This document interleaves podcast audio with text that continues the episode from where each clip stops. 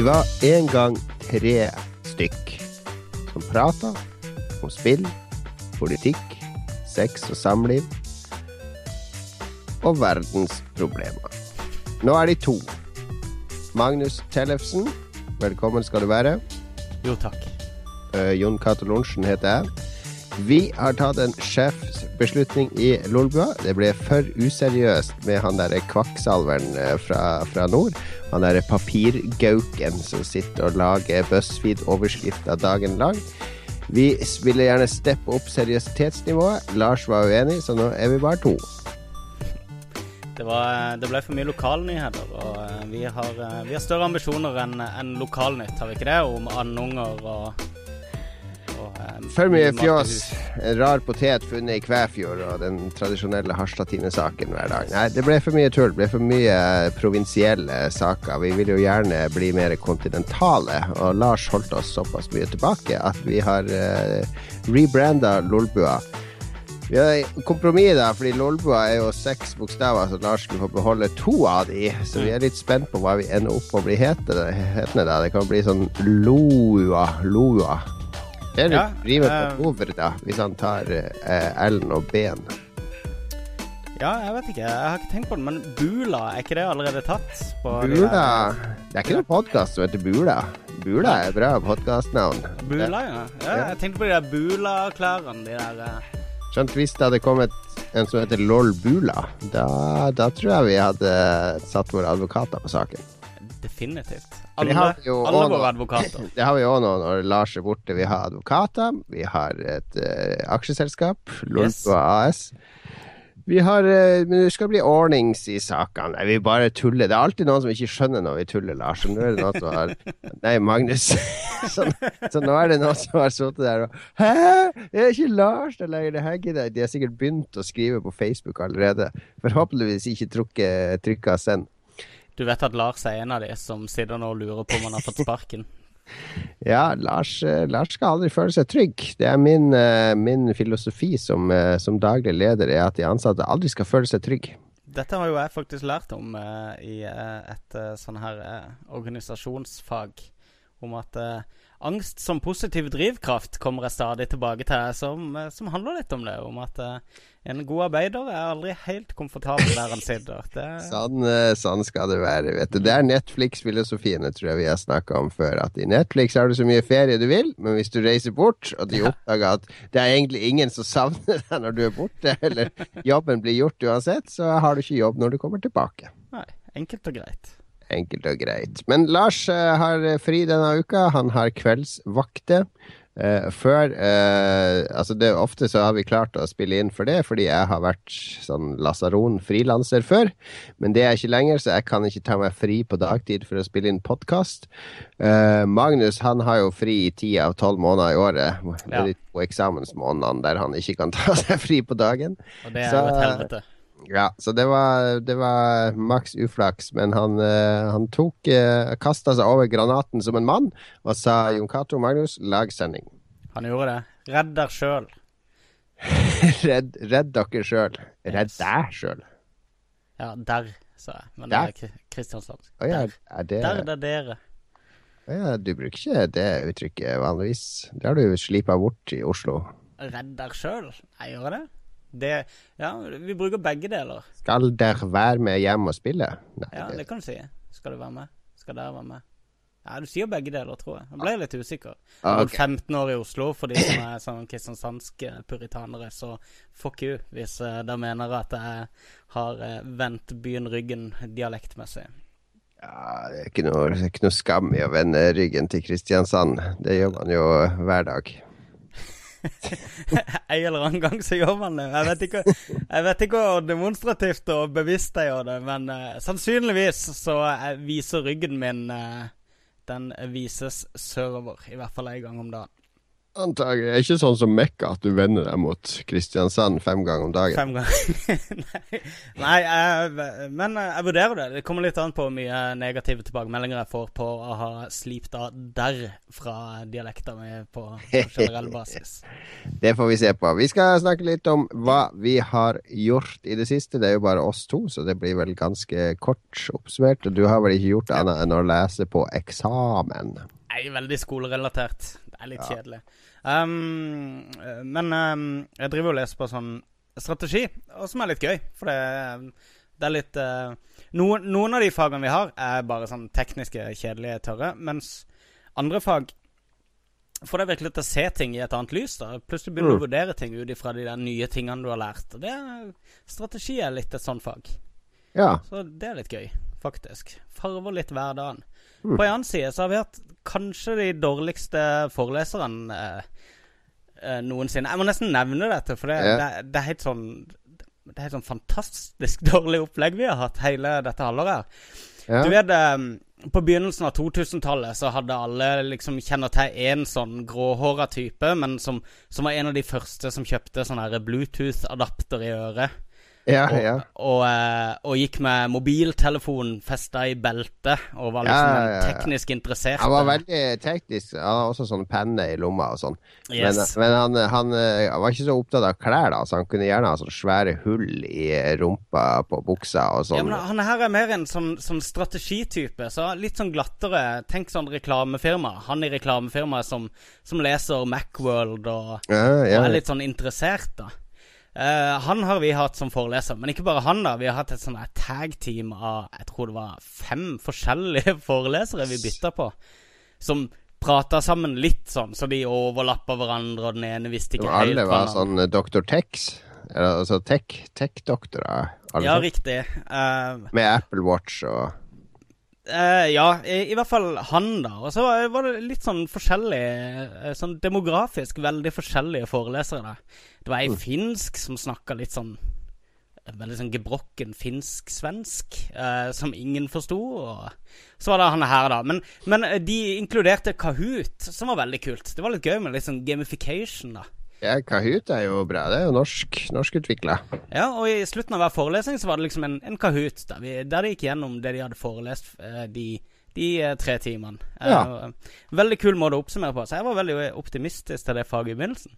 Ja. Men så begynte de med at ja, men vi bruker ikke bare Kahoot, skjønner du. Vi bruker også noe vi kaller for en applet. Som er et sånn herre Eh, det er enda en app da hvor vi kan sende inn spørsmål på en eller annen digital plattform mens forelesninga for, uh, foregår. Sånn at de kan lese av spørsmålene fra de som ikke tør å snakke i forelesningene. Og så har de også eh, Hver eneste forelesning som er på tre timer, så er den siste timen Den skal foregå på en datamaskin over Adobe Connect. Så da må alle gå ut av forelesningssalen og befinne seg et annet sted med en datamaskin, hvor vi da blir forelest for over en skjerm. Selv om vi har vært i forelesningssalen på morgenen. Hva er det de får igjen for å bruke den her skjermen? Nei, De mener da de får uh, den her chattefunksjonen i Adobe Connect. De gjør liksom at uh, folk kan spørre direkte spørsmål og sånne ting. Det, ja, det, som det kan du ikke da, gjøre ved å rekke opp hånda og spørre. Ikke sant. Og vi har vært liksom sånn 350 stykk i den der klassen i utgangspunktet. Og de har hatt sånn snittoppmøte på 30 personer eller noe. Og dette er strategi dette faget handler om å liksom å lese litt av åssen det går med ting, og ta beslutninger underveis og være dynamisk da, og, og liksom luke vekk de tingene som ikke funker, og fokusere på det som funker og sånn. Og ja. de har bare kjørt dette her i bakken, da. Og nekta å slippe på noe av opplegget. Vi hadde en hel forelesning hvor en bare satt og trolla og kalte han der duden for sånn gammel tosk, og satt og skjelte han ut, og de visste ikke hva de skulle gjøre. De prøvde å banne han, så kom han inn med et nytt navn og bare fortsatte å irritere. Herregud, det er jo en barneskole. Ja, herregud, hva tror du, da? Du gir anonymitet og internett til en gjeng Men med kids. Men uh, hva, gjør du nå hvis de sitter og hører på Lolbua, og så stryker de det i faget? Jeg bryr meg ikke. Jeg kan ikke stryke på det i det hele tatt. Og det er ikke så veldig hemmelig hva det der eh, forelesningsopplegget de sitter. Men det skammelig. Det det er så ineffektivt og krampaktig. Inside scoop om BI her, altså, ja. i Lolbua. Så hvis uh, den noen gang tar en, uh, en BI-utdannelse gled dere til strategi. Det er et interessant fag. Jeg Ja. håper for deres skyld at jeg slipper det jeg har gått gjennom dette halvåret. Du var klar første dag i det faget. Jeg Hadde med deg Advance Wars og yes, Nei, men- strategi. Jeg var dritglad. Det var liksom Kahoot. Fett. Dette er noen som liksom har tenkt litt. Ikke sant? De, de liksom gamifiserer eh, litt faget, så de gjør at det er gøy og interaktivt. Det er gøy å prøve å huske hva det er. Ja, jeg skjønner, jeg skjønner, skjønner. Nei, men det er, det er inn å henge ut skoler for tida. Westerdals med Ja, ja, ja. 105 millioner eh, i underslag. Eh, og nå får vi litt dirt på B. Du må ikke bli forundra hvis Dagens Næringsliv ringer deg i morgen, Magnus, for å få noen sitater. Men eh, det skal jeg faktisk si, og det sier jeg ikke eh, for å moderere mine sterke uttalelser. Men eh, jeg var ekstremt kritisk til BI da jeg begynte. da Nå er jeg i tredje året i femte semester. Og jeg ser egentlig på ganske solid utdannelse en får. Så servert. nå har du jo lagt igjen 300 000 oppe på BI, så det er jo klart at eh, du må jo være fornøyd med investeringa. Akkurat som en som har kjøpt seg en spillkonsoll. Han er jo alltid kjempefornøyd med Ja, det er investeringa si. Det er sant, det. Så det, det er biased. Det, det kan vi ikke ta seriøst. Nei, eh, og det burde jeg sagt sånn full disclosure først. At eh, jeg har investert nesten 300 000, Ja, ja, ja. men jeg er ganske fornøyd. Nettopp. nettopp. Ja. Yes, jeg prøvde å komme på hva jeg har gjort i det siste. Det har vært mye jobb og styremøter og sånne eh, kjedelige ting. Men på fredag så hadde jeg et styremøte som varte til langt utover ettermiddagen, så jeg kom ganske seint hjem og var sliten og trøtt og eh, lei. Eh, og, uh, og ja, jeg satt oppe til sånn ti-halv elleve-tida og tenkte gå og legge meg, men da smalt det plutselig ned i Paris. Det har sikkert alle Ja. fått med seg. Der var det jo noen helt ville, fryktelige terrorangrep der nede. Så jeg ble sittende oppe sånn her til ett-to-tida og se på, for det er noe sånn det har vært mye snakk om på Facebook eh, og diskutert i media og sånn at, at det blir sånn overfokus på ting som er her i Vesten og alt sånn tull. Men det er jo ikke rart, det. altså. Jeg har jo, jeg har jo vært i Paris. altså Steder man har vært i og har et forhold til, ikke sant. Det, da, da føles det mye nærmere, fordi det er steder Jeg har vært på konsert i Paris og alt mulig, ikke sant. Så det, det treffer jo mye nærmere enn Beirut og, og Nigeria og Du kjenner igjen de gatehjørnene, og du har, du har vært i området. Ja, vi har, vi har venner derifra og alt mulig, Ja. så, så det, er, det, det treffer jo mye nærmere. Og det treffer skikkelig. altså det, det fikk den Jeg satt der oppe og så på, det var liksom samme følelse som 22. juli, fordi det føles så nært. Så, som om det er i mitt eget nabolag, på en måte. Ja. Så det var en veldig sånn guffen kveld, da. Og så dagen etter så dro eh, eh, min kone ut med barna i noen timer, så jeg skulle spille litt fallout og slappe av. Og da da eh, fikk jeg litt sånn eh, oppvåkning at hvor, hvor, eh, hvor deilig det var. Altså Den fallout-verdenen er jo også helt grusom, egentlig. Det er jo sånn postapokalypse og verden Ja. i ruiner. Men hvor fantastisk flott og fin og forutsigbar den verden egentlig var i forhold til det der kaoset i Paris jeg hadde sittet og sett på natta før. Og jeg ble sånn veldig satt veldig sånn pris på at spill liksom er en sånn flukt fra hverdagen, Ja. hvis du skjønner? Altså selv spill som skal presentere fryktelige eh, grusomme virkeligheter, gjør det innenfor sånne trygge rammer, på en måte. Altså det, det satt i hvert fall Man sier at man blir jo sånn her eh, blasert og, og tåler mye mer, og eh, ting gjør ikke lenger inntrykk fordi at Ja. man, man opplever så mye fælt i spill eller film eller whatever.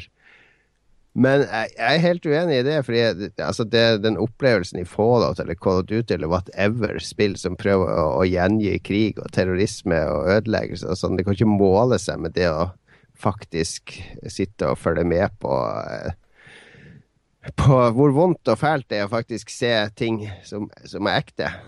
Hvis du skjønner hva jeg mener. Ja, veldig. Det er, det er et stort sprang der fra, fra spill og virkeligheten i så måte. Ja, heldigvis. heldigvis. Og det er ikke det. Jeg, har, jeg er veldig glad i sånne spill som prøver å være seriøse eller gi oss noe mer enn bare underholdning og flukt og sånne der. Men, men akkurat i, i tilfellet her så, så fikk det meg til å tenke litt sånn over at, at spill med katastrofer og alt mulig, de har egentlig fint lite med virkeligheten å gjøre, og bra er det. Ja, ehm, jeg, jeg, kan se den der med at det er litt digg å stikke av, i hvert fall når det, når det er skikkelig kjipt rundt. Jeg, jeg har jo den samme greia med Hvis jeg er veldig stressa, sånn, så liker jeg den der virkelighetsflukten som spill byr på. Og det er som du sier, eh, hos meg så er jeg veldig sånn tiltrukket av som du sier, den forutsigbarheten og den kontrollen du har over en verden. Ja, det er veldig ryddig og orden, ordna verden, uansett hvor kaotisk den prøver å fremstå. Så er det ja. et regelverk i bunnen. Ja, og så er han på en måte Du er i midten av den verden. Ikke sant? Den eksisterer bare på ja. grunn av det. Så alt som skjer, er liksom Det revolver rundt deg, da. Så du er, du er 100 til stede i den verden. Jeg kan se attraksjonen der. Enig. Det ble kanskje litt seriøs og alvorlig sidespor i Nei, i det syns jeg ikke. Men det er um, det er de øyeblikkene der spill og virkeligheten krysser over og får deg til å tenke over virkeligheten som, er, eh, som, som gjør spillmediet så sterkt, syns jeg, da. Ja, definitivt.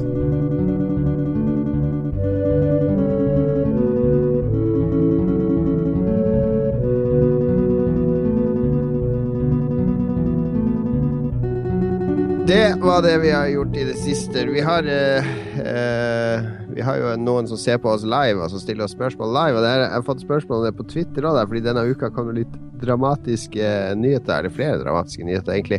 Mm. Ja, den ene var jo at uh, gutta i Level Up, der jeg hadde som spalte før, de um, fortalte at uh, denne sesongen ble den siste. Uh, Level Up ferdig. Mm. som jo veldig mange syns er synd. Det er jo 30 000-40 000 som ser Level Up fast hver uke. Som er et bra publikum for et sånt program, syns jeg. Definitivt. Uh, så kom det også noen nyheter i dag i uh, uh, kampanje.com. Leste jeg om at Dagbladet aller media, skal kutte sånne 60-70 nye årsverk. Mm. som er veldig, veldig mange spill eh, Veldig, veldig mange folk i en redaksjon.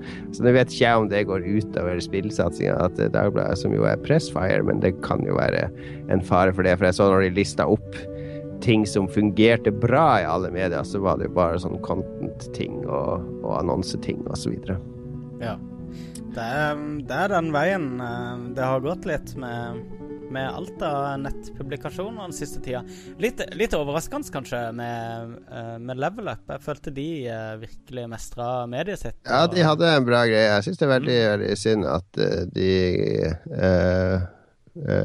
forsvinner. Så jeg håper jo at de gjenoppstår i en annen versjon, eller i kanskje kortere klipp, eller et eller annet, et annet ja. format. Fordi det magasinformatet, merker jeg, det er ikke alltid jeg har ikke sett alle episoder av Level Up. Det er fordi at det er litt sånn derre tiltak å sette seg ned og se 45-50 minutter. Mm. Om, de, om, om, planen er å, å, kutte det opp, så at det kommer en, en spalte her, en anmeldelse her, en ting her. Sånne smågreier på fem-ti minutter hver. Spredd over hele uka, så, mm. så kanskje det, det, er en smart taktikk. Men jeg, jeg, er ikke i redaksjonen lenger, så jeg har ikke den innsikten. så jeg krysser fingrene og håper at det fortsetter. Men hvis ikke de gjør det, så, eh, så er det tre stykker i Lolbua som sitter her og, eh, og sier ja til jobben. vi får se, vi får se. Altså, det er en stor mediekrise for de som ikke vet det. Og den mediekrisa gjør at alle medier sliter med å tjene penger. Og når de sliter med å tjene penger, så kutter de det som de anser som dødkjøtt. Og jeg så mange som kommenterte på Level Up hvorfor kutter de ikke hele fotball og fotball og de har så mye fotballpodkaster og sånn. Jo, men det er fordi det fotballprogrammet blir sett av 300 000-400 000 menn i lunsjen, mens 30 000-40 000 ser Level Up. Altså det, det, er bare så enkelt at det flest mulig ser, det beholder man, fordi det får flest annonsevisninger. Mm. Uh, så, så, det er veldig synd, men jeg håper at vi overlever i en eller annen form.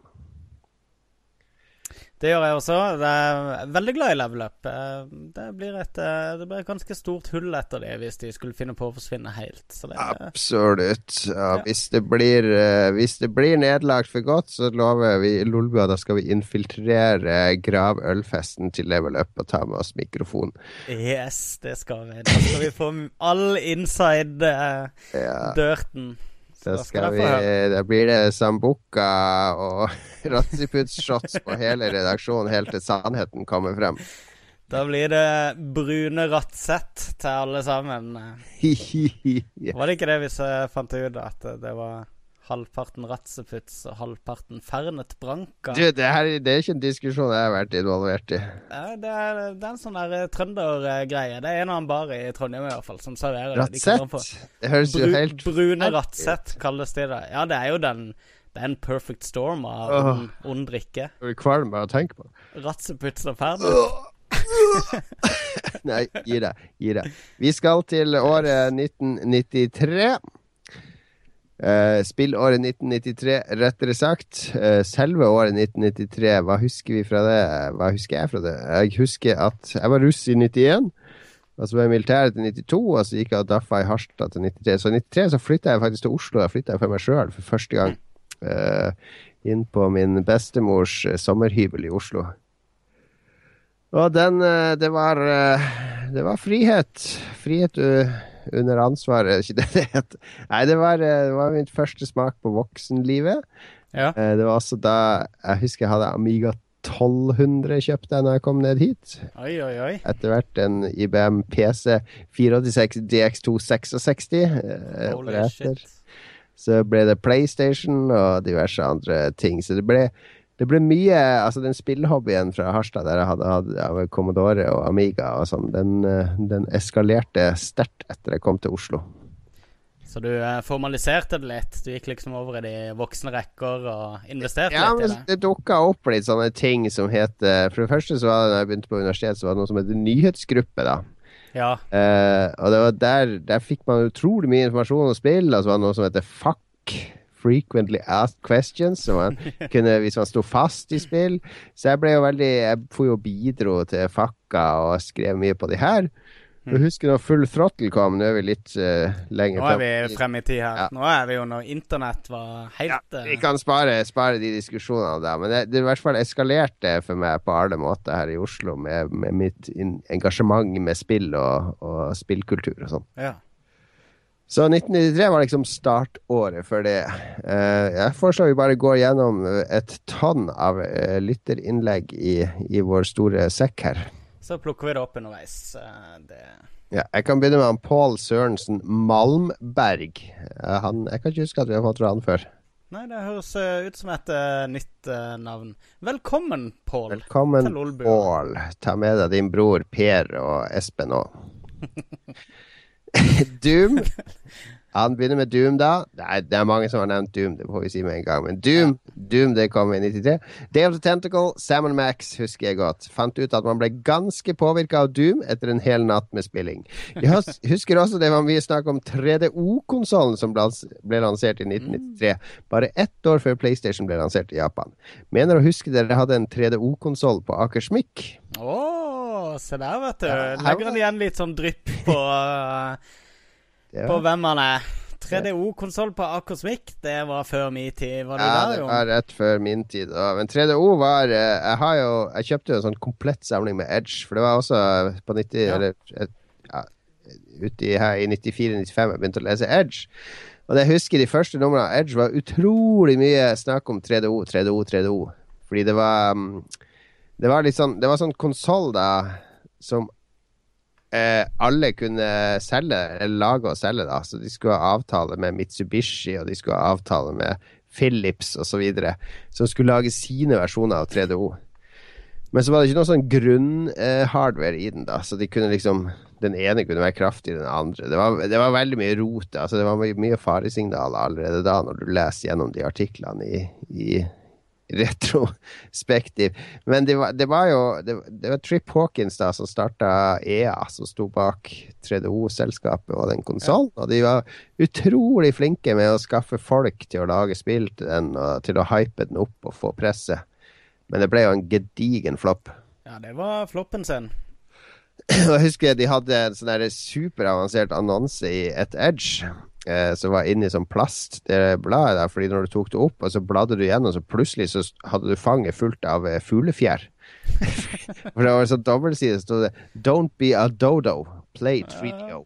Og en dodo er jo sånn strutseaktig fugl. Og så hadde de fått fylt den dobbeltsida med masse løse fjær, da. I all Det må ha kosta en formue. Ja, det var en dårlig idé.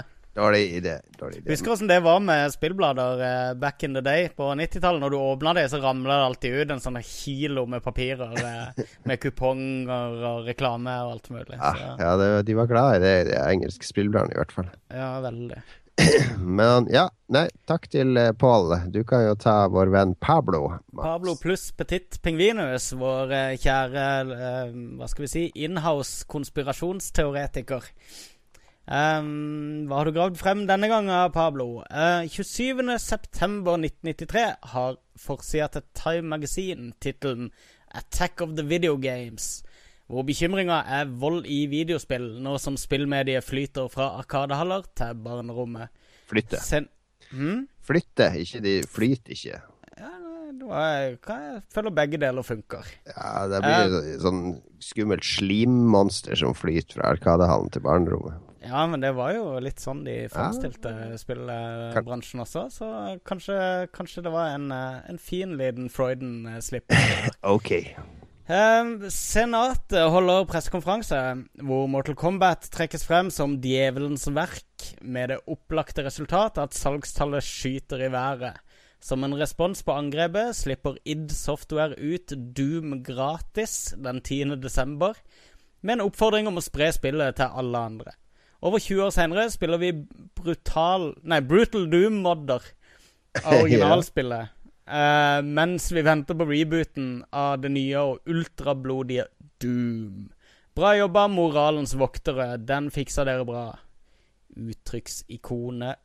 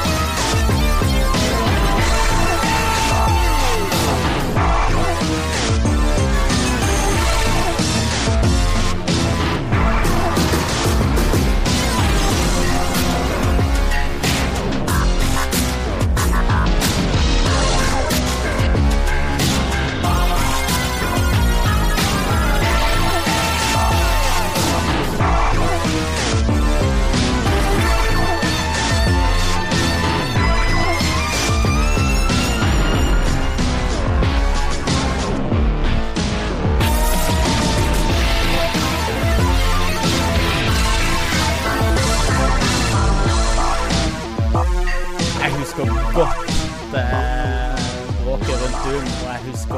veldig godt at Doom ble spredd gratis. Kjente du noen som ikke spilte Doom da det kom igjen? Ja, ja alle spilte Doom. Alle spilte Doom. Det var revolusjonerende, og det var dødskult. Og det falt inn under hele den der eh, tenåringsangstlengselen eh, der du søkte etter sinna musikk og ja, hiphop eller metal eller whatever. Alt, alt stemte overens med det du var ute etter som eh, litt angstfylt tenåring. Jeg husker det som et veldig skummelt spill. Ja, det var ganske skummelt. Um, jeg har spilt det i ettertid. Eh, kanskje ikke så skummelt lenger. det er en del eh, historietekniske elementer som kanskje har blitt eh, slengt inn i spillmediet i etterkant. Men spillet er jo dritfett. Hele opplegget er jo revolusjonerende. Ja, det har jo Supersmooth uh, opplevelse. Superfokusert. Så det fortjener all ære det fikk. Definitivt. Ja, det var flaggskipet for voldsspill og, og whatever, men, eh, men eh, sånn, var, sånn vil det alltid være. Men det var det første spillet eh, som jeg kan huske, i hvert fall. Ja, kanskje Mortal Kombat òg, ja. Som, men jeg husker spesielt alt det der spetakkelet rundt Doom. Det var Det, var, da de begynte fordi... å snakke om at Var det ikke en eller annen sånn skolemassakre eller noe, der de hadde spilt Doom? Eh, Columbine hadde ja, det, spilt det tror jeg var Doom. Doom. Ja, spiller ikke så stor rolle. Det, det ble jo dratt fram. Hvis du hører på Rammstein og spiller Doom og, og whatnot, så det er, sånn, det er alltid sånn når det er sånn gærning så er det sånn, å, han hør, La oss finne ut hvilken musikk han hørte på, og hva slags yep. filmer han så, i stedet for uh, uh, gå inn i psyken hans og finne ut uh, hvorfor uh, ti år med mishandling og utstøtelse har, har, gjort han til den han er. Ja, det, det, er kanskje ikke den mest konstruktive måten å, å angripe problemet på. Det har vi jo uh, utallige eksempler ja, Det var jo nylig en sånn skyter i, i uh, Han der i Sverige, husker du han med sverd? Mm. Uh, og der var det jo alle medier skrev om hvilken musikk han hadde vært og likt på Facebook. Ja, det var veldig spesielt. Ja, sånn, det var sånn sinna, sinna musikk. Ja. Men du, hver gang noen skyter noen på en skole, så føler jeg vi ramler innom akkurat det temaet der. Så uh, selv om det er jo Doom, det er det opprinnelige spillet som coina hele det der uh, dramaet der. Ja. Men vi kan gå videre. Vi kan gå videre. Vi har fått et brev fra en som heter Lars Rikard Olsen. Rikard? Ja, siden Richard, jeg, jeg, jeg, jeg skal, Hvis jeg hadde hatt noe sånn knekkebrød og skolekritt der, så skulle jeg lest en sånn som Lars uh, prater når vi spiller Destiny, når han alltid sitter og knasker på. Men du, kan ikke du lese det med den, uh, den dialekten som du tror at uh, han her Lars Rikard Olsen har? Siden jeg ikke deltar i dag, da må jeg vel også bidra. Long time listener, first time caller her. elsker showet, gutter. Det er så uformelt og på veldig lavt nivå. Men samtidig prega av fyll og ingen hensyn til god smak. Digger det. Takk, takk. Asj. Tusen. Jeg jeg rødmer her. Men til saken. Jeg husker lange kvelder i kjellerstua med Hired Guns. Et av de få spillene jeg ønsker en remake av. Det var et fireplayer split screen RPG på Amiga. Kule våpen, veldig bra musikk, bra puzzles og brett hvor man kunne gå seg bort. Rundt hjørnet kommer det plutselig en fiende, og man får full panikk. Good Times med Ogristen Sveinung og en annen jeg ikke husker navnet på. Jeg kan ikke ha vært så Good Times, da. Jeg ikke huske hvem han spilte. Må også nevne Gabriel Knight i samme kjellerstue med Jon Cato. Ja, det husker jeg òg. Til slutt uh, Ja, jeg og Gabriel og Lars. Yes. Til slutt må det også nevnes at verdens beste spill, James Pond 3, kom ut det her året. Har fremdeles originaleska til CD32. En maskin er bytta bort for noen Magic-kort som Mats eller Rune Forberg stjal fra meg. Noen var Nei, vent. Mats stjal min Atari Lynx, og mora til Rune tok Magic-kortene. Noe sånt. Never forget Lynxen. Hilsen fra jobb. Ha god sending, karer. PS. Her er musikk fra Hired Guns.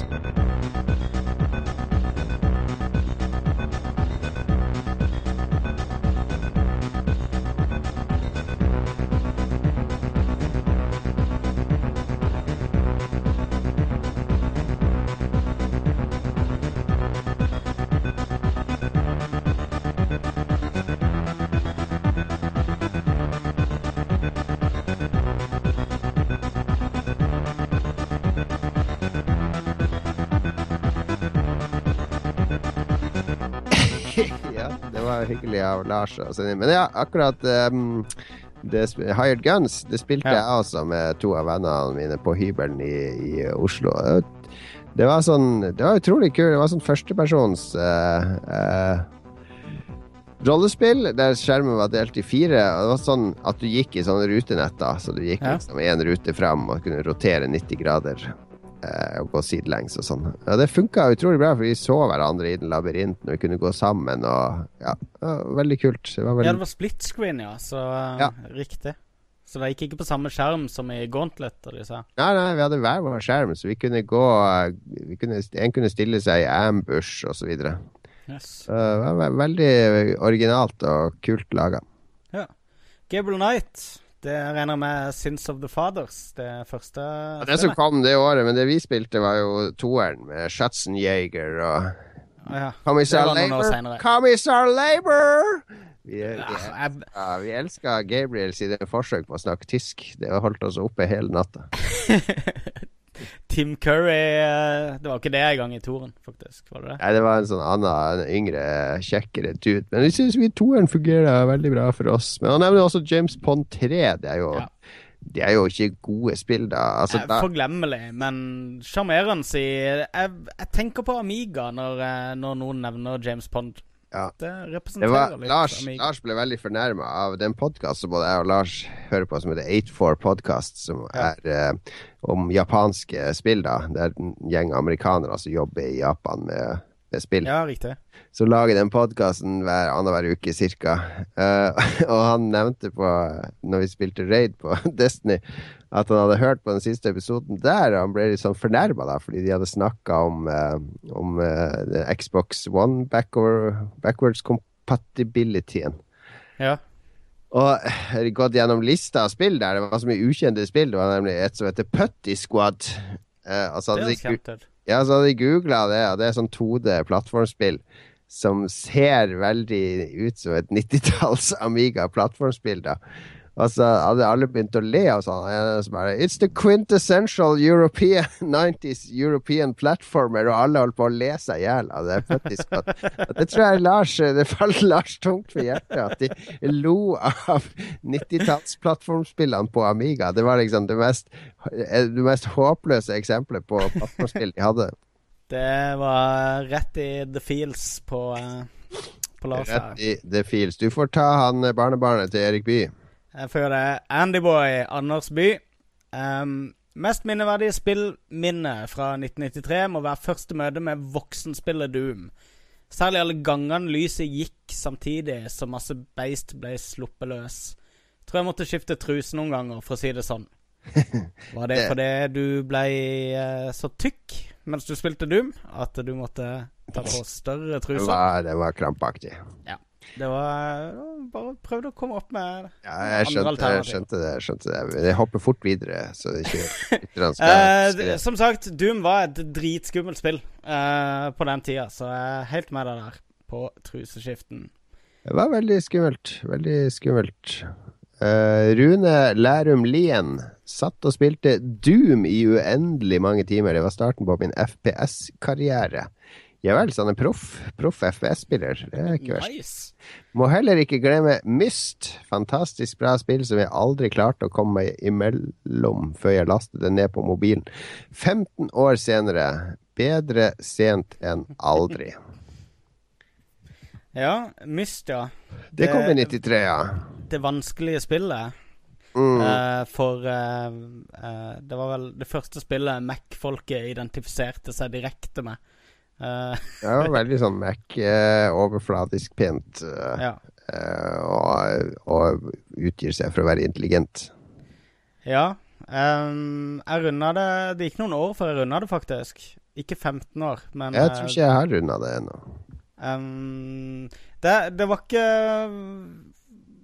Det var ikke så Hva skal du si? Det føltes ikke som det var verdt eh, alt arbeidet la inn i å klare å runde det. Ehm, dette var den type adventure-spill som jeg, jeg eh, prøvde å skygge litt unna. Du hadde et spill som jeg tror kom ganske mye tidligere, som heter Seventh Guest. Som var et av de første CD-romspillene. Ja. Som var en slags Det var vel en forgjenger for Myst, var det ikke det? ja, de kom omtrent samtidig. Jeg vet ikke hva som kom først, men Myst får i hvert fall æren for å være det CD-rom-spillet. Det som gjorde at alle kjøpte CD-rom. Var for å spille Ja, Myst. jeg, jeg husker det som Seventh Guest, da, men det var jo, jeg var jo eh, hardcore gamer. You know?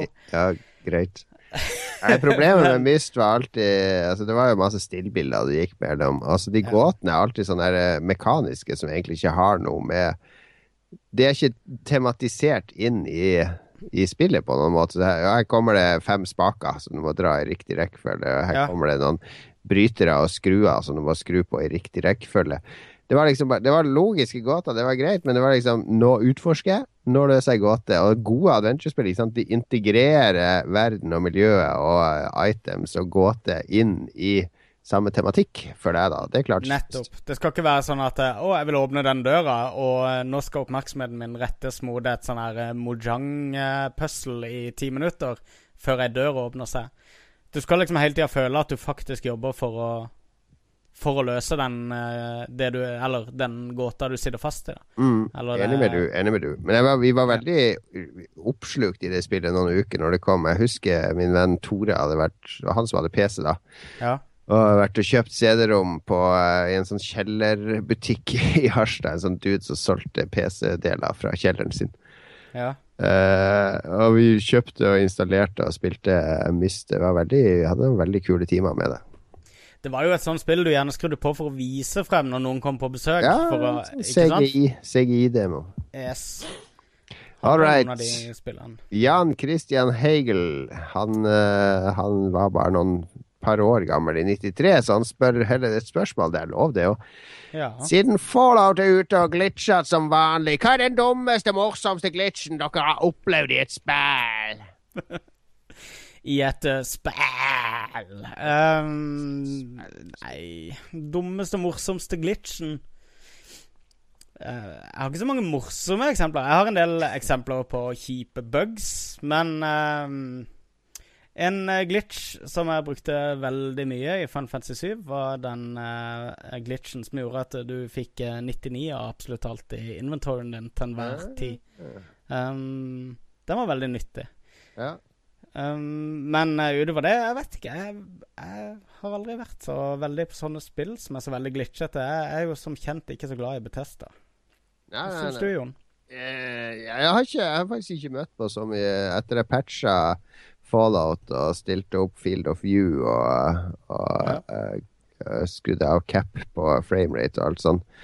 Så går det smooth som smør, og har ikke krasja en eneste gang. Det er, det er noen sånne rare AI her og til. men men eh, jeg blir bare mer og mer imponert over hva de har fått til i den verden. Det er masse det baser jeg tar på helt på min måte, som jeg tenker at det er ingen andre som har brukt denne fremgangsmetoden. Og det er kaos som oppstår som jeg må reagere på og sånn. Så, så jeg eh, har ikke opplevd så mye patcher. Det har vært noe dialog som har forsvunnet, eller tekst på skjermen. Og sånn. Det, det, til å være Betesta-spill, så syns jeg ikke det er så ille, faktisk. Uh, men, uh, men, ja, har, det er noen mange morsomme glitcher opp gjennom årene. En av de vi utnytta veldig, var i Exploding Fist 2. Som var sånn todimensjonalt sideskrollerspill mm. der du skulle slåss karatekamper med folk man møtte hele tida. Og for, altså vi ut at Hvis du trykte på restore-knappen på Commodore 64 når du hoppa salto fremover, så frøys han i lufta, og så fortsatte spillet å scrolle. Så du kunne fly over alle fiender sånn helt til slutten av brettet så gå inn døra. Sånn, så det brukte vi veldig, veldig flittig. Men det er kanskje den kuleste glitchen jeg vet om, er i et spill, et arkadespill som heter Sinistar. Jeg vet ikke om du husker det, Magnus? Nei. Det er sånn 2D romskipsspill der du flyr et sånn romskip eh, og skyter andre ufoer eller whatever. Og så kommer det et sånn digert vesen det ser ut som en sånn måne med et sånn, en sånn robotmåne med et fjes som heter okay. Sinistar. Det var et av de første spillene med speech, og han der Sinistar sier Sinistar! Sinistar! kommer etter deg. Det her er slutten av 70-tallet. Ja. Men så var greia da at hvis du Noen folk fant ut, autister da, Jeg har aldri klart det sjøl, selv, selv om jeg har prøvd. Fant ut at Han prøver å spise deg, da, han der Sinistars. Hvis du, flyr, hvis du flyr over han da, over munnen hans, så spiser han deg, da mister du et liv. Ja. Men hvis du har en fiende skyter en kule mot deg, og du blir truffet av den kula akkurat når du kjører over munnen hans, så mister du to liv. Og hvis du da er på ditt siste liv, altså du har ett liv, så trekk, tar han ett minus to. Og det i dataverdenen så det blir ikke det minus én, det blir 255. Ja, riktig. Fordi da går du ned til null. så, så de, de, fant ut at å, her er måten vi får 255 liv i det spillet på. At vi blir skutt og spist samtidig. Så det ble sånn her eh, De karene som kunne den teknikken, da, de ble sånne skill-folk da, som fikk penger i Arkadehallen. For å få til det, så kunne folk stå og spille Sinistar i timevis gratis. Ja, ja, nice. det, er, det, er, det, er, kult med sånne glitcher som, uh, som breaker spillet litt, syns jeg. Ja, det kommer litt an på det. Hvis du har lyst til å, har lyst til å runde et spill på ærlig, redelig vis, så all ære til deg, altså. Jo, uh, nå i dag så patches jo sånn, så det er jo ikke lenge at de smutthullene er der. Og hvis du er smart, sånn som CD Project Red, så patcher du det på en sånn måte at, uh, at det er morsomt for spillerne, da. Jo, men uh, en sånn glitch som du beskriver der, den er jo egentlig med å, å forandre på spillet. Den, den, gir det jo en ekstra kvalitet, dette her med å liksom Å jage på de 255 livene. Ja, det, det lager jo en ekstra challenge, da. Så ja, nettopp. Det, synes, det er jo en det jeg syns er morsomt. Ikke at spillet er buggete, men at Nei. det er en, et smutthull i spillet som du kan finne og utnytte. Ja, og hvis du klarer liksom å aligne alt på en gang, så, så har du egentlig fortjent uh, litt ekstra liv også, har du ikke det? Mm, mm, mm. Enig. Enig. Skal vi gå videre til uh, Bjarte Rossehaug? Er det første gang, det òg? Uh, ja, jeg tror jeg har hørt Jeg kjente en som het Rossehaug da jeg vokste opp, men jeg tror ikke det er han. Fortell, fortell Jon Cato om denne Rossehaug du kjente. Uh, men i hvert fall, Bjarte Råshaug uh, nevner A Legend of Zelda Links Bare hoppa over an, André, ser jeg. Ja, ja. Uh, gjorde jeg det, ja? Ja, det er Bjarte, ja, så skal jeg ta André. Den, den, kan du ta etterpå, da. Hm? Ja, ja, kjør på. Kjør på. Uh, jo, for Bjarte Roshaug sier Legend of Zelda Links Awakening er nok min favoritt fra dette ellers så spelfromme året. Etter min mening inne på topp tre Zelda-spill. Fantastisk spill. Kanskje det beste Gameboy-spillet noen gang. Gong. Eh, hvilke minner har LOL-guttene, det kan vi godt kalle oss, eh, fra dette spillet? Stjal du pil og båge tidlig i spillet, din tjuv, eller var du en hederlig og ærlig link? Går det an å stjele den tidlig? Det, det er litt morsomt, for jeg spiller faktisk det spillet nå på 3DS-en min. Er, jeg, jeg, begynte på det i sommer, på sommerferien, så jeg er sånn 70% gjennom, så jeg tar det fram av og til på sofaen. Ja, riktig. Links Awakening. Hvor er det du kan stjele? I butikk? den eh, pil og bue, ja, det må være i butikker. Jeg, ja. jeg, tror han har det i en butikk i starten. Men jeg visste ikke at det var mulig å stjele den. Det er litt kult. Men det er, det er et utrolig tight og kult uh, Zelda-spill. Ja. Dødsfett, faktisk. Eh, det tror jeg det har vi snakka om før, men det tror jeg fordi de har hatt så utrolig stramme, trange rammer å lage spillet. At Nå er jeg glad du sa rammene. tynt uh, De har måttet tyne De måtte gjøre det de kan med Gameboyen innenfor en Zelda-setting, og de, de, har klart det på mesterlig vis. Og det, det, er et spill som er verdt å plukke fram, enten du har emulator eller Hvis du har 3DS, så kan du kjøpe det i Virtual Store. Det er den beste investeringa du kan gjøre der, nesten. Ja, riktig. Det skal, skal nok utnyttes. André T. Bergo. Selda på Gameboy, ja. Doom, Myst og Mortal Kombat 2. Samlingen Super Mario Allstars, SimCity 2000. The list goes on. Midt i feber og tette bihuler blir nok en gang minnet på både hvor langt vi er kommet, men også hvor vi var en gang i tiden. Nostalgi er skumle saker. Det ser jeg hver gang jeg sjekker ut spillvideoer fra gamle spill. Men jeg er også utrolig glad hvor bra noen av disse spillene har holdt seg gjennom årene. Jeg lurer på om jeg om tolv år kommer til å føle nostalgi om jeg spiller Rise of the Tomb Raider igjen på Xbox for all uttrykksikonet slikkballer. Hæ? Hæ? Er det et uttrykksikon? Nei, det høres ut som noen har skrevet sjøl. ok, men uh, vi, tar med, vi, tar med, hjemmelagde uttrykksikoner. Det er en, uh, en, bra Det var en smart liten glitch i, i Lolbua. Lolglitch. Yes. Hvem vet, men frustrasjonen over Star Wars Rebel Assault er noe jeg sent glemmer. Det er sikkert og visst. For øvrig så gleder jeg meg til 1994. Fortsatt god sending. Uttrykksikonet smiler. Um, Rebel Assault, det var det der eh, Eller Assault, det var det der uh, CD-rom-spill, det òg, var det ikke det? Jeg trodde Rebel Assault var det andre som kom Nei, nå kanskje jeg blander. Rebel Assault, ja. Uh, Star Wars-spill var det i hvert fall, og det var jo uh, som kjent bare ett bra Star Wars-spill som kom det året. Det tror jeg faktisk en av de andre har Mm -hmm. uh, har nevnt litt uh, seinere i uh, brevbunka her, så jeg skal holde helt kjeft om det. Um, men et godt poeng om Rise of Tomb Raider er noe du kommer til å uh, ligge våken om natta og tenke på når du blir eldre. Du må også tenke over at du er eldre nå enn det du var da du spilte disse spillene. Og uh, opplevelser du har med spill, er gjerne knytta også til, til andre Til åssen du hadde det ellers i livet ditt. Og hvis du er fem år i dag og spiller Rise of the Tomb Raider, um, mm. så vil du nok om en 15 år til huske det spillet som et, et uh, koselig, nostalgisk uh, spill.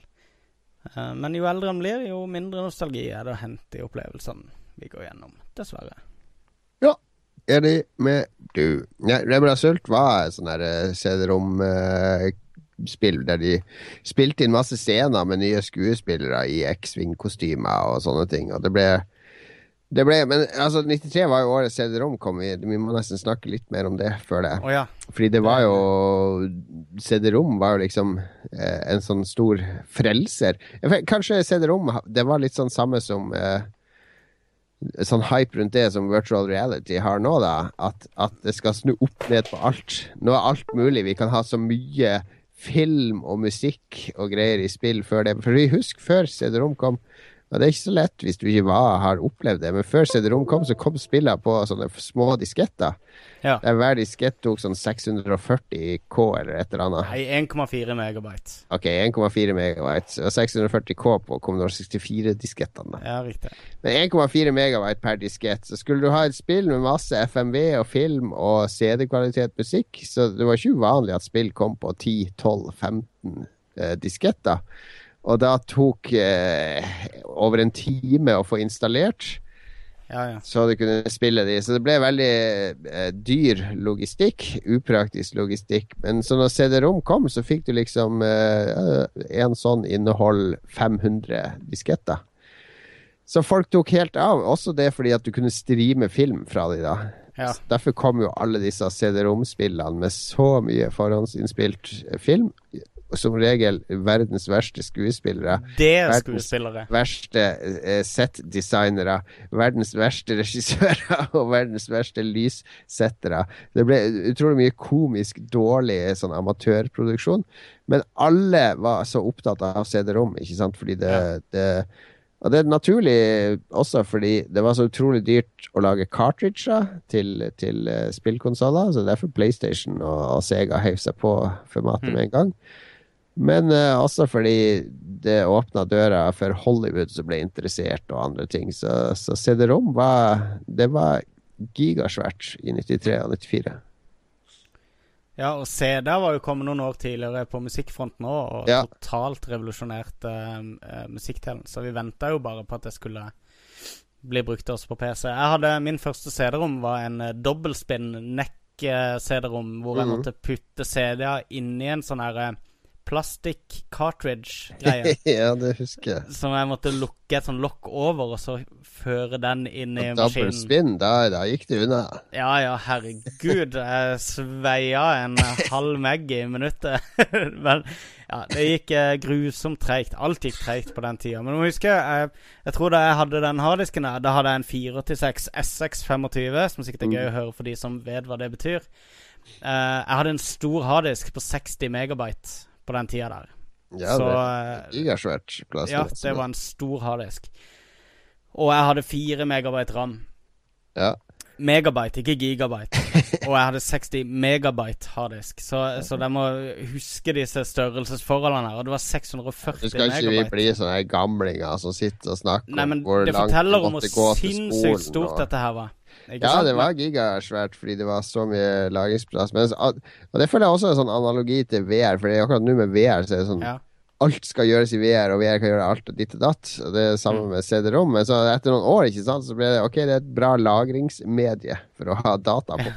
Og litt filmer og kanskje musikk, men la oss ikke ta helt av. La oss fortsette. la oss heller lage spill som du Ja. spiller akkurat som vanlige spill, altså putte inn litt cutscenes.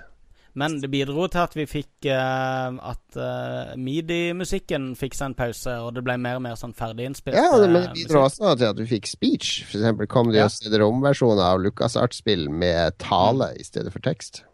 Det var jo sånn du ofte gjerne kjøpte før det, som en egen speech pack. eh, Mm. med veldig komprimert eh, tale i forkant. Så All right. Mm. Niklas Paulsen. Dette var året jeg fylte tre, så jeg hadde mest sannsynlig kun spilt Super Mario Bros. 3. Men fra spill så kom ut det året så er mitt beste spillminne fra Starwing. Eh, Ah. eh, I Europa heter det ikke Star Fox, uttrykksikonet Wink. Dette var mitt første spill på SNE som hadde Super FX-chip, og grafikken var helt uvirkelig. Det ble utallige timer før man endelig klarte å slå Andros på alle tre vanskelighetsgradene. Uttrykksikonet smiler. Uh, ja. Eh, jeg har jo da ingen sånn der eh, Nintendo-DNA i meg i det hele tatt. Jeg spilte Første uh, Star Fox spilte jeg spilte, var vel eh, Star Fox Adventures på GameCube. Å, herre yes. Som jeg digga, ja. I motsetning til alle andre i er, verden. Er, er man furry, så liker man jo det. Det Ja, rolig nå. Men ja, nei, Star Fox var Jeg er jo heller aldri innom eh, vanlig Star Fox. Jeg spilte mye Star Fox 64. Heter det ikke Lilet Wars i Europa? Jo, Star Fox 64 heter Lilet Wars i Ja, Europa. det var- det, var en eller annen idiot som hadde lisens på Star Fox, og det ikke fikk hete det i mange år. Men ja, nå tror jeg det har roa seg. Men ja, har, du- har du sett at alle de der har uh, amputerte bein i det spillet? Har du, legg merke til på coveret. Alle har amputert beina. ja, de Det finnes, jeg, jeg leste meg opp på dette fordi vi skulle lage quiz, eller, eh, og jeg, jeg vurderte å ha det som et sånt ja, du tenker på Fox og Peppy og alle de der nå? Yes. Ja. Hvis du ser på coveren, så ser du at alle har amputert beina. De har bare sånn maskinbein. Uh, og det florerer masse rykter på forskjellige Med sånn heftige diskusjoner da på eh, forskjellige fora da, om, eh, om det handler om at eh, for å takle de der høye hastighetene de skal fly med Herregud, da får dere en hobby. Får dere en annen hobby enn spillfolk? Får dere en annen hobby? en, en annen hobby enn å diskutere Star Wars under en sånn lupe som jeg var vitne til her Ja, Cato. da snakker vi alvorlige diskusjoner. Jeg har lest alle tre nye Star Wars-tegneseriene og er veldig fornøyd med de. Jon Cato hadde en artig liten eh, tirade om, eh, om eh, logiske brister i den første Star Wars-filmen. Det var ganske gøy å si det overvære. Det er i vår lukka gruppe. Men det jeg tenker når det, uka som Star Wars-filmen kommer, så må vi ha en sånn Star Wars-spesial. Det kan vi veldig gjerne, men ikke før vi har sett filmen alle sammen. Uh, ja, jeg, jeg og du skal jo se den sammen, da. Vi sitter jo i Lars. Ja. det blir en så spoiler-spesial, det. Der skal vi avsløre forholdet mellom eh, Jeg kan si så mye som at, eh, at eh, faren til Luke Skywalker er ikke den du tror, for de som ikke har sett Star Wars ennå. ikke, hør på, ikke hør på Ben, for å si det sånn. All right. Skal du ta han eh, Nå kommer han Vegard Megaman, vår en av våre favoritter. Rock'n'roll racing, woohoo! Elsker det! Når jeg var liten, så var mamma verdens kjipeste menneske som ikke brukte lønna si på en Super Nintendo til meg, så jeg kunne få rock'n'roll racing. Endte opp med å låne Super Nintendo og spille nesten hver helg. Kan faktisk sette meg ned en dag i dag og kjøre et par timer i ny og ne. Endelig musikk. Uttrykksikonet. Ja, Stort ja, han smilefjes. du, skal, du hører i bakgrunnen her, er jo Paranoid. Med, ikke med Black Sabbath, men med Tim Follin, som lagde musikken til Rock'n'Roll Racing. Det var sånn 3D-isometrisk racingspill som jeg, jeg, Det var ikke veldig bra når jeg spilte det, men jeg spilte det bare for musikken, akkurat som Vegard her. Fordi det var Tim Follin var en konge av lydskip. Han lagde også musikk i Super Goals and Ghosts og Black Lamp og Commodore 64 og et par sånne. Og Rock'n'Roll Racing, det der, eh, han klarte å gjenskape den rockeenergien i den der lydchipen til, eh, til Ken Kutaragi som sitter i Super Nintendo. Det er Ja, utrolig imponerende. Imponerende, ja. Definitivt. Skal vi se, Anders Berge. Leaping Labrats. Hei sann, karer. Må bare si at jeg digger Lolbua. Keep up the good work. Tusen takk. Takk, takk. Jeg er klar for 1993. Selda spilte jeg utrolig mye og brukte my fair share av batterier før det var rundet. Ellers spilte jeg Doom hos en klassekamerat. Mitt høydepunkt var imidlertid Day of the Tentacle, siden jeg var stor fan av adventure-sjangeren på den tiden. Yes, mitt da, favorittspill. Da kan jeg gå på do, så snakker Magnus i et kvarter. Jeg elsker det spillet der. Det representerer Det er sånn det er, For meg er det 90-tallet Eller Det spillet representerer da adventure-spill var helt på topp. Da de beste folka jobba på spillene, og de var samla hos eh, spesifikke utgivere. Så du visste at når det kom et adventure-spill fra LucasArts, så ville det alltid Eller Lucasfilm, som de vel heter da. Så ville det være på en viss måte, da. Og Lucasfilm, LucasArts, de hadde akkurat det jeg så etter et spill. Som var mm. veldig sånn eh, surrealistisk design. Veldig sånn cartoony design. Mm. Ekstremt bra eh, dialog og eh, veldig absurd humor. Um, og Dare to Tentacle uh, er Ja, det er sånn perfect storm for adventure-spill, rett og slett. Det er liksom uh, Dave Grossman, som nå er sjef i uh, Telltale Games, og Tim Shafer, som har lagd dette spillet sammen. Og ja Hva heter han bare artisten som har tegna han grafikeren? Hva heter han for noe? Chan? Det er han som hadde hm? Er det han Peter Chan? Ja, Peter Chan, er det ikke den her, da? Ja, vet du jeg jeg hørte en morsom historie om han da, fordi jeg eh, Vi uh, han, han er jo Han er en av de aller flinkeste sånn eh, concept artists og, eh, som har vært i bransjen. Han har også tegna en del for Pixar, så vidt jeg vet. Eh, men han, det, det jeg fikk høre, da var at han er sånn Han har en sånn filosofi, da, at alt som ikke er bra nok, det skal bort. Ja. Så han, eh, når han sitter og tegner sånne skisser til nye prosjekter og sånn, så er en sånn kladdskisse på han som han lager for fem minutter, det ser ut som han bruker to dager på, ikke sant? ja. Men hvis han, han brenner sånn der 20-30 sånne om dagen, Alt går i peisen hans. Han tar Ja. kun vare på det, det som er, er helt, helt ferdig, liksom. Så det er eh, Det kunne vært Det er mange som gråter av tanken, som elsker arten hans. Um, for de som vil se mer av Peter Chan, så anbefaler jeg å se den dokumentaren om eh, making of på eh, eh, Broken Age, det nyeste spillet, adventure-spillet til Tim Shafer. Der eh, var han med veldig mye å utforme konseptene som seinere ble brukt. De brukte nesten ingenting av hans ideer, men eh, noen av ideene ble med videre. da Han leverte mm. dødsmye fint til det spillet. Um, ja. Minneverdig spill. Men uh, kan jeg også nevne Nei, det er noen andre som vil nevne det seinere, så eh, bare ignorer meg. Ja, bra spill. sånn Kommer en, eh, adventure kommer en remake nå, da, som Magnus eh, gru gleder seg til? Kanskje mest gruer seg til, tenker jeg. Eh, Adrian Haugen fikk sin første spillkonsoll, nemlig en Snes i 1993. Eh, Ja. Faderen kjørte innom et hus og kom ut med Snesen og hele ti spill. Og det dryppa blod av snesen. det var det første jeg tenkte. Um, ha- han fortalte i ettertid at han betalte kun 2000 kroner. Han var kun skyldig i 2000 kroner. Barna hadde sto og gråt innenfor døra der han trampa ut. Han trengte kun å knekke 2000 knær for uh, den SNES-en. Etter at han fikk SNES-en, sto folk i kø utenfor huset for å spille. I samme år begynte faderen å spille Lemmings og Wolfenstein, eneste han har spilt siden, så det er også en begivenhet i seg sjøl. Det her liker jeg. Som far så liker jeg at han Adrian har veldig sånn respekt for faren sin. da Det Ja. var han som skaffa snesen, og han fikk billig pris. Og så jeg har lagt merke til hvilke spill faren spilte. Og sånn. Her er, her er en ordentlig god sønn. Det her Ja, ja, er min, definitivt. kunne vært min fjerde sønn. Så Adrian, hvis du skulle bli lei av din far, så står det en eh, surrogatfar og venter i eh, Lolbua på deg, i hvert fall. Damn right.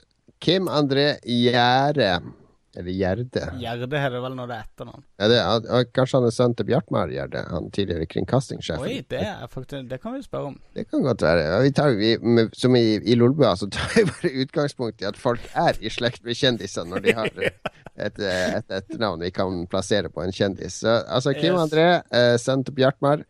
Han var tolv år i 93. Ja, det kan stemme, hvis Bjartmar var litt sent ute med sistemann. Eh, men jeg husker ikke hvilke spill som var ute da. Selv hadde jeg begge maskinene fra Nintendo, og husker at jeg spilte mye Mario. Spilte aldri noen av PC-spillene noe særlig, selv om det var noen av dem jeg likte veldig godt. Morsomt at det er Mario, selve ikonet innen gaming, jeg sitter igjen med flest minner fra. Ja.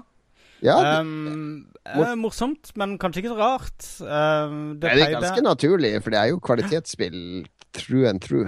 Ja, det er det. Og, eh, og ikke minst bare at Mario pleide å følge med konsollen. Mm.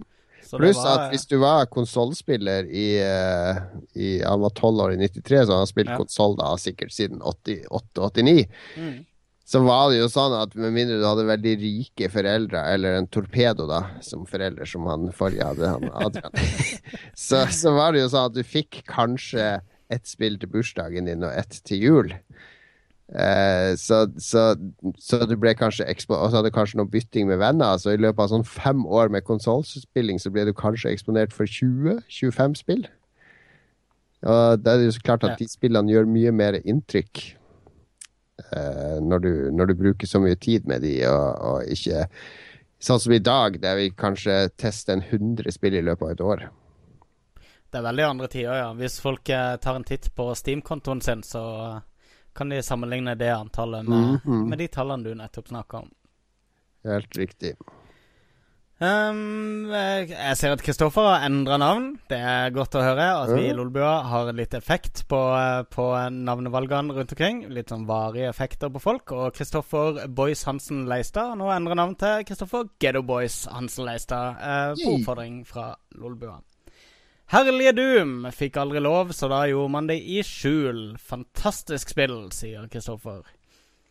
Uh, ja, det var jo Det var det og Mortal Kombat. Og litt tidligere, hvis du hadde vært litt eldre, så hadde du huska Samantha Fox strippoker som et sånt spill man spilte i skjul. Ja, ikke i 93, da. Nei. Men, Ja, eh, sant. men ja. Kurt Arne Strømmen. Vi har en til som jeg må lese fra mobilen min, fordi jeg hadde noe trøbbel med mailen her. Men Kurt Arne Strømmen. Spillene som for meg var størst i 93, var Arkadespill. Mm -hmm, det kan jeg si meg enig i. Det var veldig gode Arkadeår i starten av 90-tallet. Husker jeg mye penger i Mortal Kombat 2, The Punisher, NBA Jam, Dungeons and Dragons Tower of Doom og favoritten Cadillacs and Dinosaurs. What? Det og som Star Wars-fan yes. hadde jeg lyst på PC for å få spille X-Wing. Det så bare helt konge ut! Og må ikke glemme flipperspillet Indiana Jones.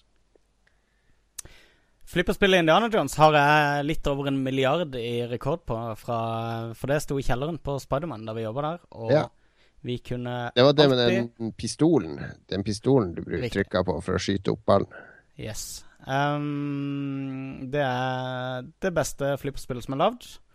Uh, de uh, som ikke har peiling på flipper, sier at Star Trek er det beste flipperspillet som er lagd. Uh, Star Trek. We have no times for your games, Q! You cheat, Dr. Jones! det er Indiana Jones som er helt klart det beste eh, flipperspillet. Altså, min, min favoritt-voiceover i et flipperspill er jo i Star Wars episode 4-spillet, der ja du kan få extra ball, og da kommer Yoda med bare mm, Extra ball you have!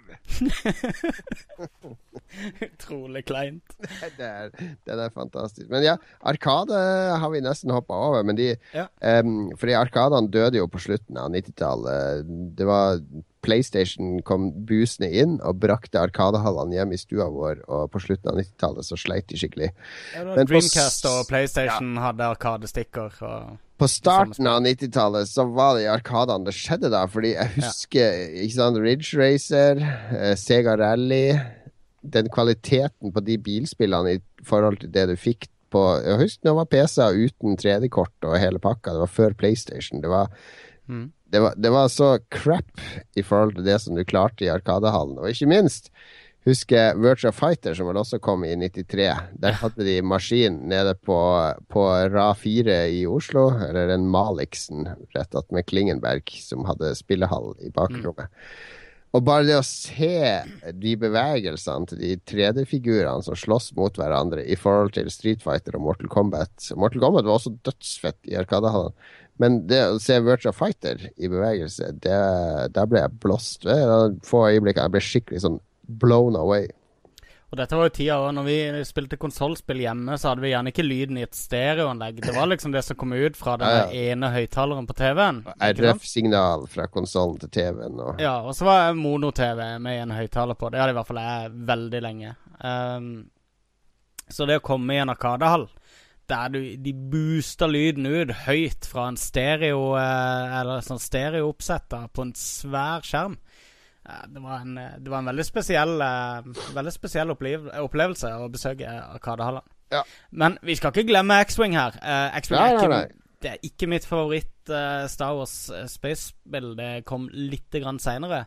Men jeg spilte det i hjel. Det, det, var vel det første Star Wars-spillet jeg tenkte liksom at sånn, Dette her er um, Hva skal du si? Litt sånn expanded opplevelse av Star Wars-universet. da mm. at, at de tok tak i én del av Star Wars-universet eh, og bare sa sånn, nå kan du Ja, nå du, du slapp å være Luke Skywalker, liksom. Ja. Som måtte være i alle andre Star Wars-spill. Riktig. Uh, veldig uh, det, det, er litt der med det nye Star Wars-spillet nå, at jeg driver og føler litt på det, men, men her så er det Altså Da X-Men kom, så var det mind-blowing. Og dette var jo også høytida for space. Ja, og det var også Det var, hadde sånn simulatorpreg. Du måtte jo mm. bytte mm. mellom skjold og våpen og, ja. og, engine og Det var, hadde en sånn seriøs undertone, og du måtte stikke for å få fullt utbytte av det. Ja, du måtte det. Og, eh, og så har du foton-torpedoer og vanlige eh, torpedoer. Veldig, veldig bra spill. Mm. Vi har et lesebrev til. Det er fra vår felles venn Ronny. Fra ja, hei, Ronny. Ronny Martinsen. Eh, som eh, han foretrekker å sende e-post. Så jeg har den foran meg her nå. Han bruker å sende sånne små noveller via e-post til oss. Eh, han er, veldig glad i våre årsoppsummeringer nå. Eh, hei, jeg ble litt snytt for 1992 da jeg kom hjem akkurat idet dere sa ha det på tirsdagssendingen, så jeg håper jeg rekker det denne gangen. Jeg skal prøve å være kort. Takk. 1993. Jeg mener jeg var på klassetur til Oslo på denne tiden. Jeg var inne med en butikk på Karl Johan som hadde Virtuality arkademaskin. Den plattformen med gelender rundt og hjelmen du tok på deg. Og det har jeg spilt. Ja, det husker jeg. Det var dyrt å spille, men jeg tror jeg rakk to runder med Dactyl Nightmare. Dette var noen år før jeg så 3D på PC og ble svært imponert, selv om det var under fem frames per second og kun ensfargede polygoner. Dette var fremtiden. Jeg har således vært klar for hjemme-VR i over 20 år. det er god tålmodighet. Det, det er det faktisk. Eh, Polygoner var kult, og bladene jeg leste var fra seg av begeistring for Star Fox. Og jeg kjøpte det med en gang. Det var imponerende med polygoner i 93, ny Super FX-chip, kul musikk og design, men klarte likevel ikke helt bli så begeistret. Føler likevel det er et viktig steg på veien mot 3D. Selda, mm. Links Awakening. Jeg, jeg føler meg litt feilsitert på at jeg elsket Gameboy, men dette spillet elsker jeg. Svært spillbart med godt lys fra skrivebordslampa rett over skjermen, i stedet for å gjøre lekser. Jeg husker ennå beskrivelsen jeg leste i et primitivt butikkdatasystem noen år senere. Like essensielt som batterier. Ja, det husker jeg godt. Det sto i Akersvik butikkdata. Gjorde du det? Secret of Mana, ai, ai, ai, er det første og kanskje eneste Square RPG jeg har spilt gjennom. Ikke Random Encounters, som holdt meg vekk fra klassikere som Final Fantasy 6. I stedet ja. kamp i real time og fantastisk vakker grafikk og musikk. Tittelskjermen på Mana gir meg fremdeles sterke følelser. Jeg begynner å grine når musikken skifter og fuglene kommer midtveis. Først i år lærte jeg hvem hva Programmed by Nasir betydde. Uh, OK, det, okay. det, må vi google i ettertid. Yes, Doom kom i 93, men det fikk jo ikke jeg med meg før flere år senere, så det er ikke 93 for meg. Fikk det sammen med min første PC, og så ble jeg Nintendo og FPS-fan. La meg raljere om Quake i 1996-episoden i stedet. OK, OK. Du får mest sannsynlig lov til det, Ronny. Men tusen takk uh, for uh, opplysende brev. Og han dro jo fram Secret of Mana. Altså. Ja, det glemte vi jo helt. Jeg syns jeg fortjener å avslutte 1993 med et såpass vakkert spill. Har du spilt det, forresten? Bare så vidt. Igjen, det er denne her eh, Nintendo-greia for meg. Og um, jeg har det er vanskelig nå å gå tilbake til de Super Nintendo-klassikerne. Ble ikke det psykotomana brusha opp litt? Ja, nei, det, jeg tror ikke det trenger å brushes opp. Det har et perfekt pixel art uh, uansett. Men det er det, det, det, tror jeg du kunne spilt nå med Kristine, for det er treplayer co-op, det spillet. Ja, det store. Uh, det husker jeg hadde multitap på Super Nintendo for å få spilt det med to andre, fordi man har hver sin karakter med forskjellige angrep og spills og, og whatever, og det funka så smooth. Det var det er utrolig vakkert, så oppfølgerne skal ikke si noe om, men det første Sigrid og Mana, klassiker. Ja.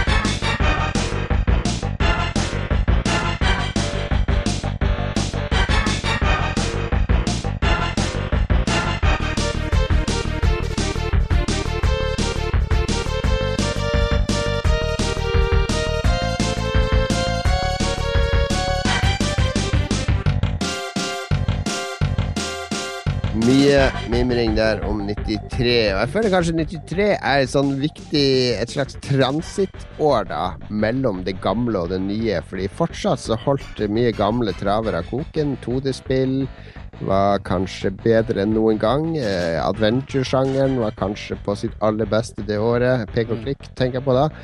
Eh, og så ser vi liksom disse 3D-spillene, disse utfordrerne som kommer. CD-rom, Myst, eh, du har Star Fox, du har i Arkadehallene har du Ridge Racer og, Virtua Fighter. Du ser liksom du har Doom. Ja, ja Doom, Doom, ikke minst. Du ser det er et sånn, et sånn, skifte på gang. Eh, mm. Eh, vi går over i en ny fase da, og det er liksom det beste av fortida og det første av fremtida i 93.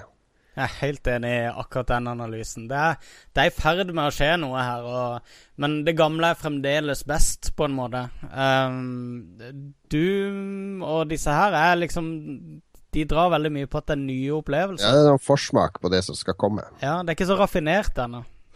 Men vi er jo ikke i 93, vi er jo i 2015.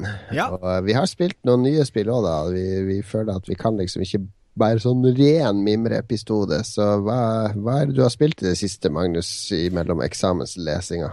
Um, jeg har jo uh, Dette her er veldig rart. For det, jeg har, jeg har brukt uh, overraskende mengder med tid på uh, en serie, en TV-serie som jeg anser for å være noe av det dårligste jeg noensinne har sett. Det er sånn man ser når det er eksamensnerver. Sånn dårlig. Ja, det er bare sånn som skrur av hjernen. Men her så sitter jeg sånn aktivt og irriterer meg da over mm. det. Uh, vanligvis så, så, har jeg ikke så mye til overs for folk som, som, bruker tid på å se på ting fordi det er dårlig. Uh, men dette er ikke sånn det er så dårlig at det er vittig. Det er bare det er så dårlig at det er dårlig. Men det er et eller annet, en eller annen sånn her uh, aggressivitet i meg som får utventilert når jeg ser på Sons of Anarchy. Fuckings møkkaserien sånn som Anarchy. Nå er jeg i gang med sesong tre, og nå har jeg lært meg å begynne å spole. For det, det, er, det er, så dårlig. Det er mange som digger den, da. Jeg forstår det ikke. Jeg forstår det virkelig ikke. Kona til han Al Bundy og Ja, men det, det, er mange eh, Nei, nå sier jeg det er mange, og da tar jeg feil. Det er noen få kule skuespillere, men de spiller dårlig fordi regien er dårlig. Og karakteren de har fått utdelt, er ræva, og fordi storyen suger, og alt, alt med denne serien er dårlig. Det er en sånn perfect storm, for å bruke det uttrykket enda en gang, da, av eh, dritt. Um, jeg har uh, utventilert litt på Twitter i går, og kommer sikkert til å fortsette med det fremover, tenker jeg. For det, det er ofte jeg blir så sint at jeg har lyst til å si det til noen. så det er det du har spilt i det siste? Nei, tingen var at jeg, uh, jeg skulle egentlig spille Fallout. Det er ja. Mange ganger har jeg sagt ja, nå skal jeg sette meg ned og spille Fallout. Så, Men du, har, du skal spille det på Xbox One, den er 25 frames per sekund? Uh, Fallout. Ja, og så 25 eh, sekunder før 50 eh, minutter loadetid, uh, tenker jeg. Også ja, det er det òg. Det er det òg. Helt sykt. Men alt det satt til side, så Sorry, jeg, jeg, kjeder meg i Fallout. Jeg kjeder meg grusomt. Og jeg har ikke noen god forklaring på Hva sier du? Det tar litt tid før det blir ordentlig engasjerende. Jeg har ikke noen god forklaring på hvorfor jeg digga uh, nei, uh, New Vegas så veldig, og hvorfor jeg ikke klarer å engasjere meg i Fallout 3. Men det er litt den greia igjen, da. Det er sånn her Ja, alt er lagt til rette for at det skal være et kult spill, men det er bare uh, jeg, jeg, åpner en dør, og så går jeg inn, og så er jeg sånn Jeg går og lager meg noe å spise. Og så går jeg tilbake, spiller jeg kanskje sånn tre minutter, så kjeder jeg meg igjen. Det er jeg, jeg, tror, jeg, tror, rett og slett at jeg bare må kaste inn håndkleet og si at uh, jeg spiller det gjennom et par-tre måneder til når uh, forventningene har lagt seg og uh, jeg kjeder meg skikkelig, tror jeg. Ja, Men du har kost deg, har du ikke det? Ja, det, jeg har spilt en del. Ikke så mye som jeg har lyst til, men en del. ikke kommet så veldig langt, men jeg koser meg fordi det, det Hva skal jeg si det er litt sånn du må lage ditt eget kos i det spillet, det er jeg enig i. Men jeg, jeg, det er bygging av alt det der tullet, det orker jeg ikke å bruke ja, mye tid på. Gud og kjedelig fyllmasse det var. ja, det er mange som elsker det. Men, det. Så det er jo kult nok at de har klart å lage noe som appellerer til, til andre spillertyper. Men jeg, jeg, eh, det tar litt tid før, du, før, jeg ble ordentlig engasjert. da Fordi den første byen er dritkjedelig. Den der eh, byen med den kirka. Og når du møter de Minutemen mm. Det er ikke noe spoiler, det er en time ute i spillet, liksom. Ja. Halvannen time. Og så Fem mentale timer. Ja, og så begynner det å ta seg opp sakte, men sikkert. Så kommer det noen helt vanvittig kule oppdrag med bra nivådesign, som jeg aldri har sett i et Bitesta-spill før. Ting de skal gjøre, manipulere og trykke på, manipulere environment og sånne ting. Uh, så begynner det å dukke opp litt kulere karakterer. Og så ikke minst så bygger seg gradvis ut sterkere og bedre. Og jeg, um, jeg koser meg skikkelig når jeg spiller det. Det er skikkelig um, innlevelse, vil jeg si. Uh, men nå spiller jo jeg Altså, den PC-versjonen er jo litt bedre. Jeg er ikke noen sånn PC Master Racer som jeg kødder med det av og til. Men nå har jeg kjører alt på maks, liksom, og med høy framerate. og og du kan stille den FOV-en. Det, det, føler jeg også har litt å si for innlevelsen. fordi når du har det konsollperspektivet, så blir det veldig sånn trangt syn. Når du Ja. utvider det litt, så føler jeg det blir mer sånn cinematisk opplevelse. Så, så det, det blir litt mer sånn imponerende vistaer og sånne ting. Så, så jeg koser meg bra. Jeg tror, vår venn Jostein Hakstad han anbefalte alle å komme seg til den der Diamond City så fort som mulig, da, fordi det er da det liksom begynner ordentlig. Eh, altså, eh, vår eh, eh, store leder eh, Jostein har vært eh, den, den mest aktive apologisten for det spillet på Twitter den siste tida. Han er, han er virkelig glad i spillet. Og um, min Jo, ja, bror også. eh, han blir jo provosert, fordi hvis du går på Metacritic, så har du en sånn user rating på fem, eller et Ja. eller annet. Og det så Jeg posta jo Jeg klippa og lima litt i den gruppa vår der med noen av de user reviews. Det er så mange butthurta eh, eh, folk som likte Fallout 1 og 2, som, som Ja. bare skal ventilere en eller annen frustrasjon om at ingen lager spesiallager et spill for dem, så at de kan gjenleve minnene de hadde fra Fallout 1 og 2. Uh, Men det er jo de der eh, No Mutants Allowed-folka, er det ikke det ofte? ja, det var de som ikke- lagde alt det bråket rundt Fallout 3 fordi du ikke kunne drepe babyer og skyte av de som kroppsdeler Ja, sånn. det, er, det er en eller annen crossover her, men de er, de er i hvert fall de, de, Det er opplest og vedtatt at det her er et drittspill. eh, og det, her, det har masse tekniske mangler, men det har Det er noen sånne YouTube-videoer fra Fallout med sånne dynamiske ting som skjer, med sånne helikopter som krasjer, og folk som kommer Ja. ut og kriger med hverandre og sånn, som er 10 000 ganger kulere enn noe skripta jeg noensinne har opplevd i et, i et eh, Call of Duty-spill. Hm. Eh, der ting er skripta for å se mest mulig spektakulært ut. Så jeg, jeg ble mye mer imponert av ting som kan oppstå i Fallout-kamper. Ja, den ser jeg.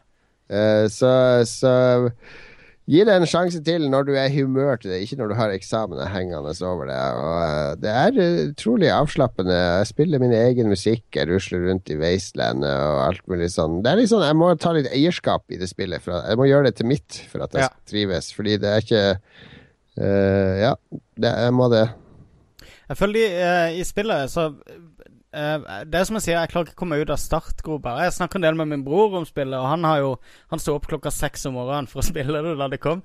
Han hadde veldig Jeg, jeg lurer på om han fikk inn 16 timer første dagen liksom i det spillet. Han, var, han er veldig glad i Fallout. Og altså mitt problem er liksom at de de skal liksom lære deg å gjøre absolutt alt i spillet fra begynnelsen av. Sånn som den der eh, basebygginga. Den kunne de venta mange, mange mange timer med å introdusere i spillet, syns jeg. Så det var en rar måte å bare stoppe opp hele progresjonen og gi deg fem oppdrag på rad hvor du skulle gå rundt og bygge og så ting og, Mm. og sånne ting. Det, det går veldig seint. Og så, så fokuserer de på det, men de, de gir deg ikke så veldig de mye sånn generelle ut. Ja, de- tips. Dreit seg ut i starten, da, fordi de har, det er veldig kult at de gir deg tilgang til alt med en gang. Ja. Eh, fordi du får eh, sånn der eh, Det er ikke et spoiler, det er heller du, det er jo pro, ja. Du får en sånn power armor ganske tidlig, og Ja. en minigun, og da kan du meie ned eh, alt. Mm. Eh, men den armoren krever sånn fusion core som et slags batteri, og de er ganske sjeldne, så du kan ikke gå rundt i den hele tida. Spare den til spesielle encounters. Gå og hente Ja. den. Så du får tilgang til det og bygginga med en gang. Det, men det blir sånn sidespor, der, for det er mange som bare Å, jeg må, jeg må rive ned alt i den altså, første byen, da, så Ja. at jeg samler inn mest mulig materiale, så at jeg kan begynne å bygge vegger og ditt og datt. Men drit i det, bare gå. Kom Ja. tilbake og gjør de tingene, fordi du får masse, det masse sånne locations som du låser opp der folk vil bo, og der du kan hjelpe dem å bygge og sånn etter hvert. Hvis man har lyst etter hvert. Du trenger ikke gjøre det, men hvis du har lyst. Så det, det er ikke noe Det er bare å gjøre hva du vil, da. Men, Jo, men for, for oss, for hvis du er vant til å spille spill som er mer sånn strømlinjeforma, og sier 'nå skal jeg lære deg å gjøre det', og 'nå skal jeg Mm. lære deg å gjøre det', 'nå skal jeg lære deg å gjøre det', så får du bare kaste deg ut i verden og sier du kan bygge, eller du kan utforske. Bare Jo, men, men det jeg har lyst til å høre i begynnelsen av et spill, det er, det er ikke bare en sånn her eh, Sånn generell Eller jeg har ikke lyst til å få sånn spiss, uh, spissa info om åssen jeg bygger baser de første timene av spillet. Jeg har lyst til å få litt sånne der, eh, tips, f.eks. med at det er ikke noe lurt å gå rundt i skauen på natta. Uh, det fikk ikke jeg noe hint om. ikke sant? Og jeg ble omringa av sånne mutants hele fuckings tida og drept. Ja, ja, men det, Jeg går jo natta hele tida. Jeg blir ikke Jo, men ikke når du er level 3-4, så er det en dårlig idé. Uh, ja, men det er ikke noe Det er ikke noe hint, det. Det er, ikke, det er jo litt farligere å gå om natta, men det jo, men skjønner du hva jeg mener? Jeg, jeg, jeg skjønner de, de, ikke hva du mener. De kan hjelpe deg å komme litt i gang i selve spillet. At du, kom, at du kommer litt på toppen av tingene. For det er et veldig over, uh, overveldende spill, da, med tanke på muligheter og sånne ting. Ja, det er det, men du har jo konkrete uh, missions å gjøre. Du har konkrete uh, steder å gå. Jeg daua så mange ganger på vei til de der missionsene. Det var mitt problem. Pluss at jeg fyller opp de fuckings lommene hele tida. Uh, som gjør at jeg bare driver og spaserer rundt og er supergjerrig på hva jeg ja, men det, kan derfor kaste. lager du deg en base et sted, for da kan du lagre ting uendelig med ting i en kasse i den basen. Jeg vet det, men kan ikke bare infinite inventory, så slipper du hele det problemet der? Ja, det, det er flere som klager på inventory. Da kan du øke strength-staten din, da. Ja, det er det jeg gjør. Jeg fokuserer på strength og perception. Ja. Men, så, men, vi eh, får se. Som, sagt, eh, for meg er det typisk sånn sommerspill, merkelig nok. Men eh, jeg har det der med å finne sånn gnomespill på sommeren, hvor jeg kan ligge på sofaen og ha dårlig samvittighet for ikke å være ute i sola. Ja, du får spare det til uh, atomsommeren. Uh, ja, det får jeg òg. Men jeg skjønner jo på det og uh, det gedigne flertall at spillet byr på gode opplevelser for de som engasjerer seg i det. Mm, mm, mm. Jeg må nevne ett spill til før vi er ferdig. Det heter uh, Progress ute på IOS. Ja.